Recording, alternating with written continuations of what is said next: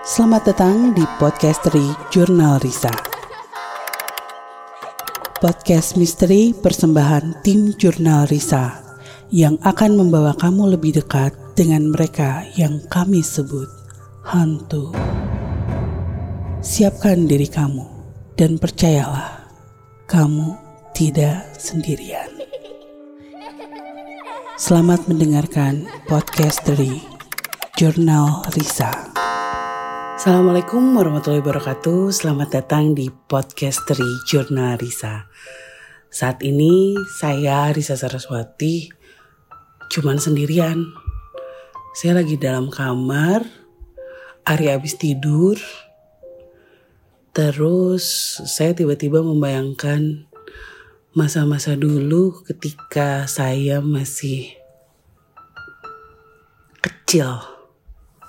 Pernah gak sih kalian membayangkan pada saat kalian dulu melakukan banyak hal, melakukan kegiatan-kegiatan yang kayaknya kalau sekarang dilakukan udah gak mungkin lagi gitu. Kadang saya pengen banget sih balik ke masa-masa itu walaupun memang sekarang juga berbahagia, tapi ada kalanya merasa rindu yang teramat sangat pada masa-masa itu, masa-masa bersama Peter. Sekarang-sekarang sih udah jarang banget mereka datang. Mungkin karena tahu di rumah saya ada anak kecil dan bisa jadi juga mungkin karena kakek saya udah menjaga Ari sedemikian rupa sehingga mereka enggan untuk datang lagi ke rumah ini. Ya lagi pula sekarang saya udah ada Dimas, jadi saya udah gak kayak dulu lagi yang di kamar tuh bisa ngobrol sendirian, terus uh, nari-nari sendirian, nyanyi-nyanyi bisa keluyuran tengah malam, naik ke atas pohon, lemparin pohon yang ada kuntilanaknya. Gila sih. Umur segitu mungkin ketika kalian masih kecil sering banget ditakutin soal kuntilanak lah, pocong lah dan kalian selalu menghindari tempat-tempat yang gelap yang dibilang oleh orang tua kita jangan ke sana banyak hantunya jangan ke situ nanti apa nanti apa nah saya bersama Peter CS pada saat dulu malah mendatangi tempat-tempat itu. Mereka bilang di atas pohon kersen itu ada kuntilanaknya. Saya sama Peter CS langsung mendatangi tempat itu dan naik ke atas pohon. Menunggu kira-kira kuntilanaknya mana ya? Jadi memang banyak melakukan hal-hal yang ya bisa dibilang bodoh. Ya anak kecil aja gitu mungkin kalian udah sering banget sih dengar cerita soal Peter CS tapi saya jarang banget cerita yang benar-benar personal bagaimana dan apa yang sebenarnya terjadi saat saya dulu bertemu dengan mereka. Waktu itu saya masih kelas 5 SD. Saya harus pindah ke Bandung karena kedua orang tua saya menganggap saya tuh nakal banget. Mereka pikir Subang bukan kota yang tepat untuk menyekolahkan saya. Saya sempat sih waktu itu di Subang itu hampir empat bulan, kayaknya satu semester lah sekolah di sana dan ternyata teman-teman saya cowok semua dan saya nakal banget kata ibu saya. Jadi mereka dengan terpaksa memutuskan udah Risa pindah di Bandung aja biar bener. Tanda kutip benar ya. Jadi ya pikiran saya sih ya ya seneng aja sih. Sebenarnya saya di mana-mana di mana pun saya ditempatkan ya saya senang-senang aja.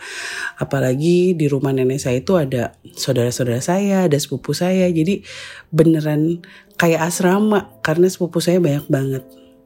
Rumah nenek saya itu rumah peninggalan Belanda. Karena almarhum kakek saya adalah seorang tentara. Jadi ini tuh dari keluarga bagian papa gitu. Kalau selama ini kalian melihat di Jonarisa itu adalah keluarga saya dari mama. saya pindah ke sana waktu itu kelas uh, 4 ya mau naik ke kelas 5 kalau nggak salah nah pada saat itu saya udah diberi sebuah kamar yang sebenarnya kalau di rumah nenek itu bisa dibilang itu kamar yang paling strategis karena berada di tengah-tengah diapit oleh kamar almarhum hmm, kakek saya dan di sebelah kirinya tuh ada kamar uh, Om Ahmad. Kalau kalian nonton Danur 2 itu ada yang namanya Om Ahmad. Nah itu di situlah. Jadi udah enak banget. Mungkin karena saya pada saat itu ya masih kecil, jauh dari orang tua. Jadi ya ditempatkan di tempat yang paling enak gitu di rumah. Suasananya hangat, kamarnya terang, walaupun memang plafonnya tinggi banget. Ciri khas rumah Belanda. Orang tua saya datang seminggu sekali. Dan jauh sebelum saya masuk sekolah, saya udah dibiasakan untuk tinggal di sana dulu. Jadi masa-masa liburan saya udah di sana. Membiasakan diri jauh dari kedua orang tua saya dan adik saya yang masih tinggal di Subang pada saat itu. Saya pikir ya baik-baik aja. Ya udahlah, nggak ada mama papa, nggak ada Riri juga. Kan ada kakek, ada nenek, ada sepupu. Tapi ternyata pada saat menjalaninya ternyata berat banget. Karena biasanya apa-apa saya ngobrol sama mama, ngadu sama papa, atau saya suka ngejailin Riri yang waktu itu masih kecil banget. Nah, kebiasaan itu tuh hilang semuanya di rumah nenek saya itu. Dan benar-benar ketika mak makan malam, makan pagi, itu nggak ada kegiatan seperti di rumah pada umumnya. Di mana satu keluarga kumpul di meja makan, sarapan bersama, ngobrol. Di rumah itu nenek saya membawa baki berisi makanan dan masukin ke tiap kamar yang ada di rumah itu. Jadi beneran kayak di asrama gitu. Saya makan sendirian, ke mana-mana juga sendirian. Kebetulan memang ada sepupu yang seumuran. Tapi karena dia laki-laki, kadang-kadang dia nggak bisa nemenin. Jadi saya banyak menghabiskan waktu sendirian di rumah itu. Sampai akhirnya yang, aduh, wah gila gitu.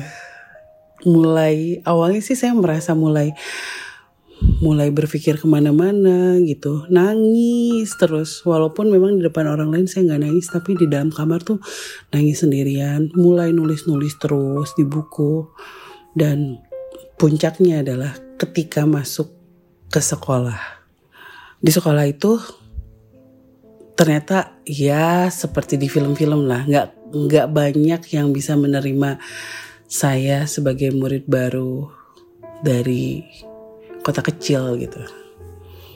Dan mereka yang udah bertahun-tahun bareng kan dari kelas 1 SD, mereka yang bertahun-tahun bareng dari kelas 1 SD, terus tiba-tiba ada murid baru yang entah dari mana dan uh, mungkin saya terlihat aneh depan mereka.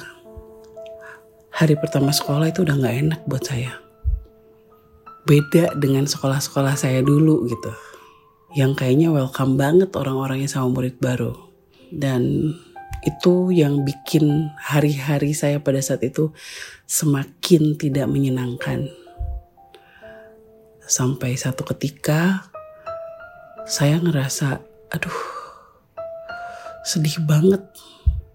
Tapi saya gak mau orang-orang tahu, saya gak mau orang-orang lihat, saya gak mau nenek saya khawatir melihat saya bersedih, nangis. Akhirnya saya punya spot yang oke okay untuk menangis di rumah itu karena kalau di kamar itu pasti kedengaran sama kamar yang kiri dan kanan. Akhirnya saya memilih satu spot di rumah nenek saya itu, yaitu sebuah loteng yang ada di atas garasi. Yang mudah-mudahan kalian bisa membayangkan ya, garasinya tuh besar banget karena ini rumah peninggalan Belanda. Dan di situ dibangun sebuah loteng dengan tangga kayu ke atas. Jadi loteng itu di atap rumah dan di situ isinya barang-barang yang sudah tidak terpakai, berdebu. Tapi di situ ada ada ada bantal, ada kasur yang sudah tidak terpakai gitu. Jadi saya bisa di sana berdiam dan mulai nangis. Nggak tahu waktu itu tiba-tiba saya kangen banget sama rumah rumah orang tua saya dan saya nangis terus di situ. Tiba-tiba pada saat menangis karena tangganya tuh kan tangga kayu. Dia ketika ada orang yang menginjak pasti berderak-derak. Pun dengan lotengnya, ketika kita berjalan atau melangkah di loteng itu, itu akan terdengar suara kerak, kerak gitu. Nah, pada saat itu kerak ada suara seseorang yang naik atas tangga.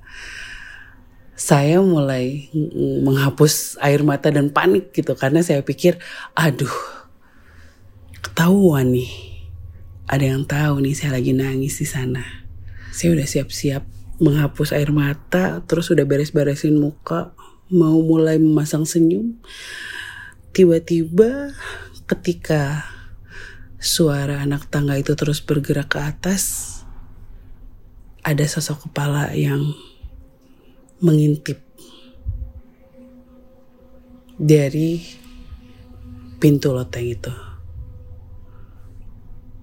Kaget banget, kaget banget.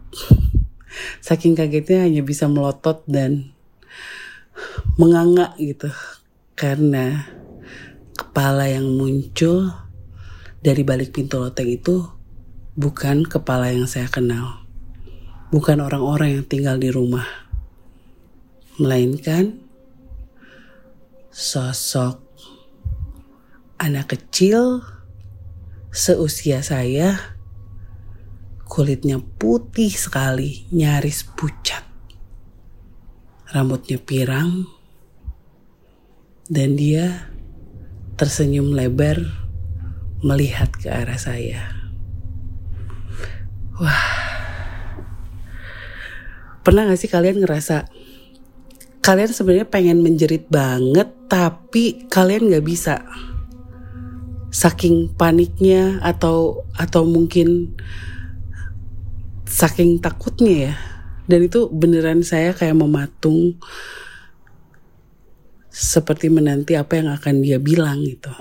Saat itu saya tidak merasa bahwa sosok ini berbeda dengan saya. Karena beneran suara tangganya berderak. Lalu yang muncul juga kepala manusia. Jadi benar-benar saya berpikir ya ini orang lain aja gitu yang kebetulan nyasar ke rumah saya dan nyasarnya tuh ke loteng. Tapi betapa kagetnya lagi saya ketika sosok anak kecil itu mengeluarkan sebuah kalimat. Kamu tidak apa-apa, Risa. Risa, dia tahu nama saya. Padahal, padahal sumpah saya nggak pernah melihat sebelumnya. Jadi saya nggak pernah kenal sama anak ini sebelumnya. Terus saya masih diam. Hmm. Dan laki-laki itu bilang, hmm, kamu jangan menangis Risa. Kamu tidak sendirian. Ada kami di sini. Kami, saya langsung kami berarti nggak cuma satu anak ini gitu. Itu saya masih diem nggak ngapa-ngapain dan anak itu kayak mengerti gitu apa yang ada di pikiran saya pada saat itu dan dia langsung membalikan kepalanya melihat ke arah bawah dia bilang dia melihat kita dia bisa melihat kita dan gak lama kemudian anak itu naik masuk ke dalam loteng diikuti oleh anak-anak lainnya. Dan mereka yang sekarang kalian kenal sebagai Peter CS. Yang pertama menyapa saya pada saat itu adalah Peter. Aduh, jadi kangen banget sama rumah itu. Mungkin kalian pikir enak banget ya. Bisa mengenal Peter CS. Bisa temenan sama hantu. Ke mana-mana gak sendirian. Apa-apa bisa minta tolong mereka. Aduh, tidak semudah itu Ferguson. bisa dibilang hari itu adalah hari di mana semua kekacauan mulai terjadi di hidup saya. Mungkin pada saat itu anak-anak seumuran saya atau seusia saya, mereka hanya fokus sama belajar, main, beli mainan, atau ya hal-hal yang kayaknya lazim dilakukan sama anak-anak seusia itu. Tapi saya mulai hari itu benar-benar merasa hidup saya tuh berubah. Bukan karena Peter CS, tapi karena saya mulai merasa nyaman dengan mereka. Sebenarnya di awal pertemuan kami ya Peter CS hanya bersikap layaknya sebagai anak-anak biasa. Toh mereka bilang mereka hanyalah anak kecil yang tinggal di sekitar rumah saya. Walaupun aneh banget ketika saya bilang, aku mau dong main ke rumah kalian. Mereka selalu bilang, tidak boleh Risa, karena orang tua kami tidak memperbolehkan kamu atau siapa pun untuk datang ke rumah kami. Dan yang lebih aneh lagi, ketika saya bertanya, sebenarnya kalian berlima ini adik kakak Saudarakah? tinggal satu rumah kah? Ya wajar lah yang namanya anak kecil kan pasti kritis. Selalu bertanya tentang hal-hal yang muncul di kepala. Dan anak-anak ini kadang menjawab bahwa mereka ini bersaudara. Kadang mereka menjawab bahwa mereka ini hanya tetangga. Kadang mereka bilang bahwa kamu tidak perlu tahu tentang kami. Jadi benar-benar mereka selalu berubah-ubah gitu. Sampai saya merasa ada di titik yang udahlah bodoh amat yang penting saya ada temen dan saya happy. Karena memang semenjak kehadiran mereka saya mulai lupa sama rumah. Sama rasa-rasa sedih ketika saya pindah di awal-awal kepindahan saya mulai happy jalan-jalan terus jadi daerah rumah saya itu tidak jauh dari sebuah mall yang ada di kota Bandung. Pada saat itu happening banget namanya Bandung Indah Plaza. Nah, karena dekat, jadi kita tuh sering banget jalan ke sana. Saya tuh bisa nggak bawa uang sama sekali, tapi happy karena saya bisa jalan ke mall itu, keliling-keliling bersama mereka, main petak umpet di dalam mall bersama mereka, atau gak jauh dari situ tuh ada sebuah taman namanya Taman Lalu Lintas. Sebenarnya taman itu tuh berbayar, ada tiketnya, tapi mereka memberi saya tahu ada sebuah jalan pintas di mana kalau lewat jalan itu saya nggak usah bayar. Dan pada saat itu yang saya lakukan adalah loncat pagar. Jadi hal-hal yang tidak harus mengeluarkan uang, nggak usah uh, apa ya, bikin saya minder dan lain-lain itu dilakukan bersama mereka. Karena mereka seperti tidak peduli kalau saya ini perempuan, saya ini berbeda kulit dengan mereka karena mereka kan putih-putih banget rambutnya pirang. Ya ciri khas orang-orang Belanda lah orang-orang barat.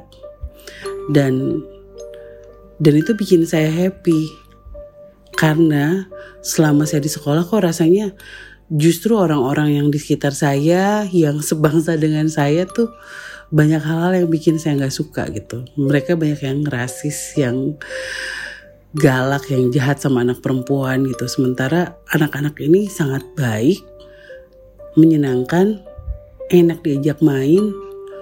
Ya udah itu yang bikin saya akhirnya mulai merasa sangat nyaman dan ketergantungan dengan mereka. Nah, yang paling asik adalah ketika saya tidak bisa tidur malam-malam, Saya nggak usah repot-repot untuk kebingungan menghabiskan waktu, menghabiskan malam. Saya tinggal nyanyi lagu aja, lagu yang saya dan mereka sukai. Mungkin kalian semua udah tahu. Api teh gaduh hiji boneka. Nyanyi lagu itu belum beres lagunya mereka udah datang. Ketuk-ketuk pintu. Kalian harus ingat, saya belum tahu kalau mereka ini adalah hantu ya. Jadi mereka kayaknya sih bersusah payah juga untuk bersikap layaknya manusia di depan saya. Karena saya tahu mereka juga tidak mau kehilangan saya. Apakah kalian pikir kami baik-baik saja? Awalnya sih mungkin memang terasa baik-baik saja. Tapi justru dengan kemunculan mereka, rupanya penglihatan saya mulai terasah. Walaupun sebenarnya saya nggak paham bahwa mereka itu berbeda dengan saya, tapi kedekatan saya dengan mereka mulai memunculkan pandangan-pandangan lain. Ini pandangan yang real ya, maksudnya melihat hal-hal yang di luar nalar manusia. Semakin banyak saya menghabiskan waktu bersama mereka, semakin banyak yang kelihatan oleh mata saya. Walaupun awalnya saya pikir ya kuntil anak itu ya saya pikir orang gila gitu karena kan bentuknya begitu. Bentuknya kotor, rambutnya terurai, berantakan, kadang-kadang bajunya tuh penuh penuh tanah gitu. Saya pada saat itu nggak paham kalau itu hantu. Lalu ada wajah-wajah pucat yang tidak tersenyum. Sering banget saya lihat.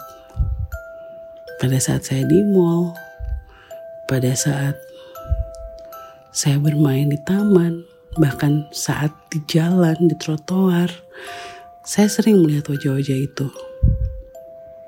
Mereka juga lihat dan mereka bilang tidak usah dilihat Risa itu orang gila jadi si anak kecil bodoh ini nih meyakini kata-kata lima anak Belanda itu yang meyakinkan bahwa apa yang saya lihat mereka juga lihat dan itu hanya manusia, itu bukan hantu atau sesuatu yang berbeda dari kita. Tapi rupanya mereka tahu. Mereka yang kami anggap gila ini tahu bahwa ada seorang anak manusia yang bermain dengan lima anak Belanda dan bisa berkomunikasi. Hal itu yang akhirnya membuat Orang gila-orang gila ini mendekati saya dan mulai mengganggu hidup saya. Kalau diceritain terus ini gak akan habis nih. Kita lanjutin minggu depan gimana? Mungkin kalian penasaran. Seperti apa orang gila-orang gila itu mendekati saya? Dan bagaimana sikap Peter CS pada saat akhirnya saya tahu bahwa mereka bukan manusia. Sampai jumpa di podcast selanjutnya. Saya memang paling suka bikin orang penasaran.